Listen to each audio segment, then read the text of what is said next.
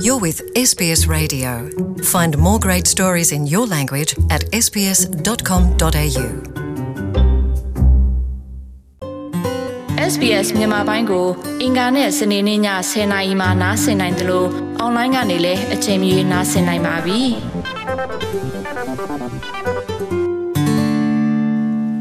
သောရရှိများရှင်မေလ18ရက်မှာကျင်းပမဲ့ရွေးကောက်ပွဲအတွေ့ immigration ဆိုတဲ့ လူဝင်မှုကြီးကြပ်ရေးကိစ္စဟာအဓိကဆွေးနွေးစရာလူအများစိတ်ဝင်စားစရာခေါင်းစဉ်တစ်ခုဖြစ်ပြီးတော့နိုင်ငံရေးပါတီတွေကလည်းသူတို့ရဲ့လူဝင်မှု policy ကပိုတာကြောင်းပိုကောင်းကြောင်းတွေညှင်းခုန်နေကြသလိုမဲထဲ့မဲ့ပြည်သူတွေကလည်းသူတို့လိုချင်တာတွေကိုဘယ်သူကလုပ်ပေးနိုင်မလဲဆိုတာတွေကိုစောင့်ကြည့်နေကြပါတယ်။အဲ့ဒီတော့ SBS သတင်းဌာနကနေတီးတန့်စစ်တမ်းတစ်ခုကောက်ယူမှုလုပ်ခဲ့ပါတယ်။ စစ်တမ်းမှာပါဝင်ဖြစ်ဆိုသူ၄ပုံ၃ပုံဟာဩစတြေးလျနိုင်ငံမှာအခြေချခွင့်ပေးတဲ့ပြည်ပကလူတွေဟာဒီနိုင်ငံမှာအလုပ်လုပ်နိုင်သူတွေဖြစ်တဲ့နယ်လို့အမြင်ရှိနေကြတာကို တွေ့ခဲ့ရပါတယ်။အစ္စလမ်ဘာသာဝင်အီနတ်ဂျာနီဖဟာအစ္စလမ်ဘာသာကိုကြောက်ရွံ့မုန်းတီးသူလူတချို့ရဲ့ညှိုးညင်မှုကိုခံခဲ့ရသူဖြစ်တယ်လို့အခုအခါမှာတော့ခွဲခြားဆက်ဆံခံရတဲ့မွတ်စလင်လူမှုအတိုင်းဝိုင်းတွေအတွက် အလုပ်လုပ်ပေးနေသူလည်းဖြစ်ပါတယ်။ SBS စစ်တမ်းအရလူတွေကိုဩစတြေးလျနိုင်ငံထဲလက်ခံတဲ့အခါဘာသာရေးကိုပဓာနမထားဘဲအလုပ်လုပ်နိုင်မဲ့လူတွေကိုလက်ခံတဲ့နယ်လို့ဩစတြေးလျနိုင်ငံသားတွေအများအပြားအမြင်ရှိနေတဲ့အပေါ်မှာအံ့အားသင့်ဝမ်းသာမိတယ်လို့ပြောပါတယ် personally, I was told when I was 19 years old, when I applied for my first job, that I could have it as long as I stopped wearing hijab. Now I see that religion is not seen so much of a barrier. So it is heartening. ကျမရဲ့ပထမဆုံးသောအလုပ်အတွေ့အလုပ်လျှောက်တော့ကဆိုရင်အပြောခံရတာတခုကတော့မွတ်စလင်အမျိုးသမီးတွေခေါင်းပေါင်းပေါင်းတဲ့ဒီ hijab ခေါင်းပေါင်းကိုမပေါင်းဘူးဆိုရင်တော့အလုပ်ပေးမယ်လို့အပြောခံခဲ့ရဖူးပါတယ်။ဒါပေမဲ့အခုဆိုရင်ဘာသာရေးကအဓိကမဟုတ်တော့ဘူးဆိုတာကိုမြင်ရလို့အင်မတန်မှဝမ်းသာအားရဖြစ်မိတယ်လို့ပြောသွားခဲ့ပါတယ်။ SBS ကနေကုန်ကြခံပြီးတော့လူပေါင်းတစ်ထောင်လောက်ကိုစစ်တမ်းကောက်ယူခဲ့တာဖြစ်ပါတယ်။စစ်တမ်းရဲ့မေးခွန်းထဲမှာတော့ဩစတြေးလျနိုင်ငံကိုအသိပြောင်းရွှေ့နေထိုင်မဲ့လူတွေကနေအဓိကလိုအပ်ချက်၃ခုကိုဖြစ်ဆွဲဖို့မေးထားတာဖြစ်ပါတယ်။အဲ့ဒီအထဲမှာအင်္ဂလိပ်စကားပြောတတ်တဲ့အရေးချင်းရှစ်စေချင်သလားအလုပ်လုပ်နိုင်ဖို့အရေးချင်းရှစ်စေချင်သလားပညာအရေးချင်းရှစ်တင်သလား ဩစတြေးလျရဲ့ရိုးရာယဉ်ကျေးမှုကိုနားလည်သဘောပေါက်ထားသူဖြစ်တဲ့သလား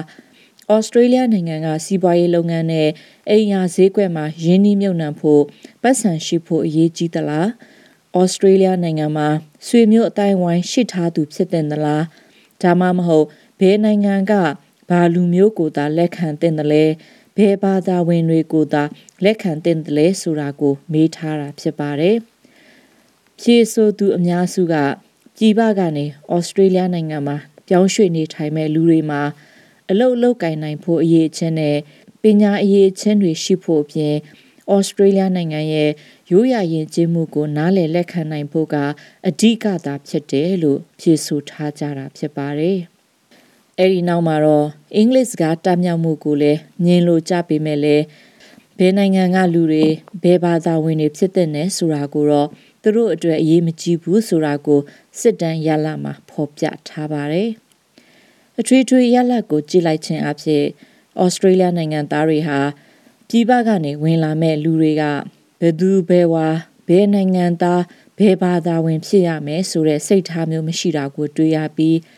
အဓိကအားဖြင့်တော့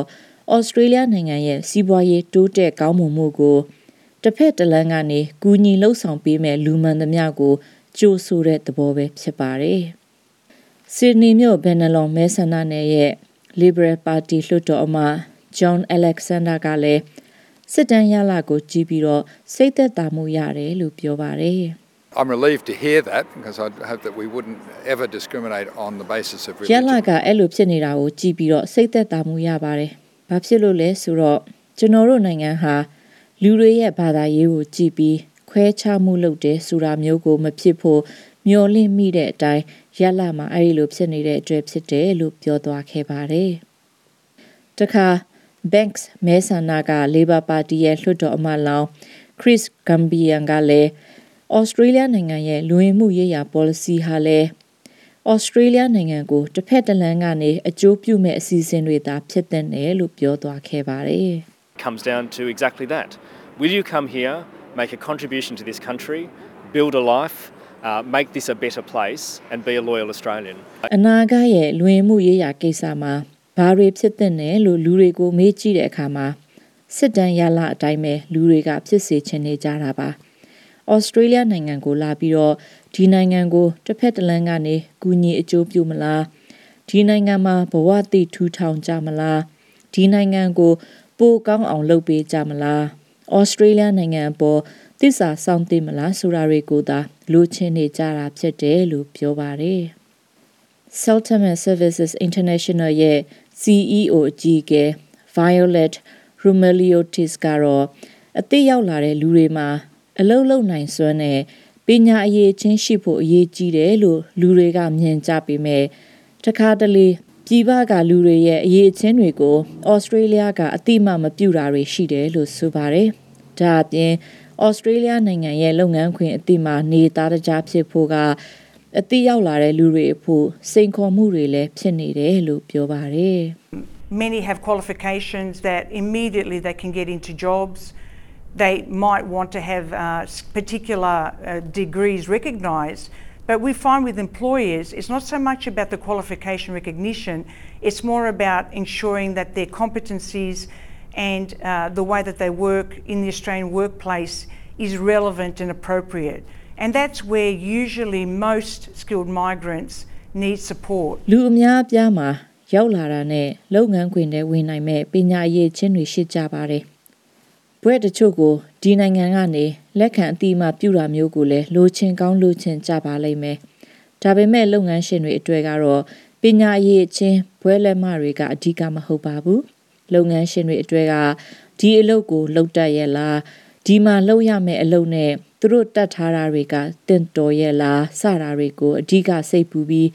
အဲ့ဓာတွေကပြည်ပနိုင်ငံကရွှေ့ပြောင်းလာတဲ့အရေးချင်းပြည့်လူတွေအတွေ့ ပံ့ပိုးမှုအလိုအဆုံးနေရဖြစ်တယ်လို့ရှင်းပြခဲ့ပါတယ်။ Inas Janif ကလည်းပြည်ပကနေအခြေချပြောင်းရွှေ့နေထိုင်သူတချို့ဟာသူတို့နိုင်ငံမှာနေထိုင်ကြတဲ့ကလုပ်ငန်းခွင်ထဲဝင်ဖို့အခက်အခဲတွေရှိခဲ့တာကြောင့်ဩစတြေးလျနိုင်ငံကိုရောက်လာကြတာဖြစ်တယ်လို့ပြောပါတယ်။အဲ့ဒီလိုလူတွေအတွက်အစိုးရအနေနဲ့ပံ့ပိုးကူညီမှုတွေပိုလုပ်ပေးတဲ့နယ်လို့ပြောဆိုလိုက်ပါတယ် Skills and qualifications are important I think to to become part of this society but also to keep in mind that some people don't have that opportunity to develop them until their circumstances change အလုံးလုံးနိုင်တဲ့အရေးအချင်းနဲ့ပညာအရေးအချင်းတွေဟာအရေးကြီးပါတယ်ဒါပေမဲ့လူတွေအတွက်အခြေအနေမပြောင်းလဲသမျှကာလပတ်လုံးအဲ့ဒီလိုအရေးအချင်းတွေရဖို့အခွင့်အရေးမရှိခဲ့ကြဘူးဆိုတာကိုလည်းစိတ်နှလုံးသွင်းထားပေးရမှာဖြစ်တယ်လို့ပြောသွားတဲ့အကြောင်း Abby O'Brien ရဲ့ဆောင်းပါးကိုဘာသာပြန်တင်ဆက်လိုက်ရပါတယ်ရှင်။ကျွန်မကမူလှိုင်းသိမ့်ပါ SBS မြန်မာပိုင်းကို အင်ကာနဲ့စနေနေ့ည10:00နာရီမှနားဆင်နိုင်ပါတယ်။နားဆင်နိုင်တဲ့နည်းလမ်းအများကြီးရှိပါတယ်။ Radio Digital TV online ဒါမှမဟုတ် SBS Radio App ကနေတဆင့်နားဆင်နိုင်ပါတယ်။ SBS မြန်မာပိုင်းအစီအစဉ်ဖြစ်ပါတယ်ရှင်။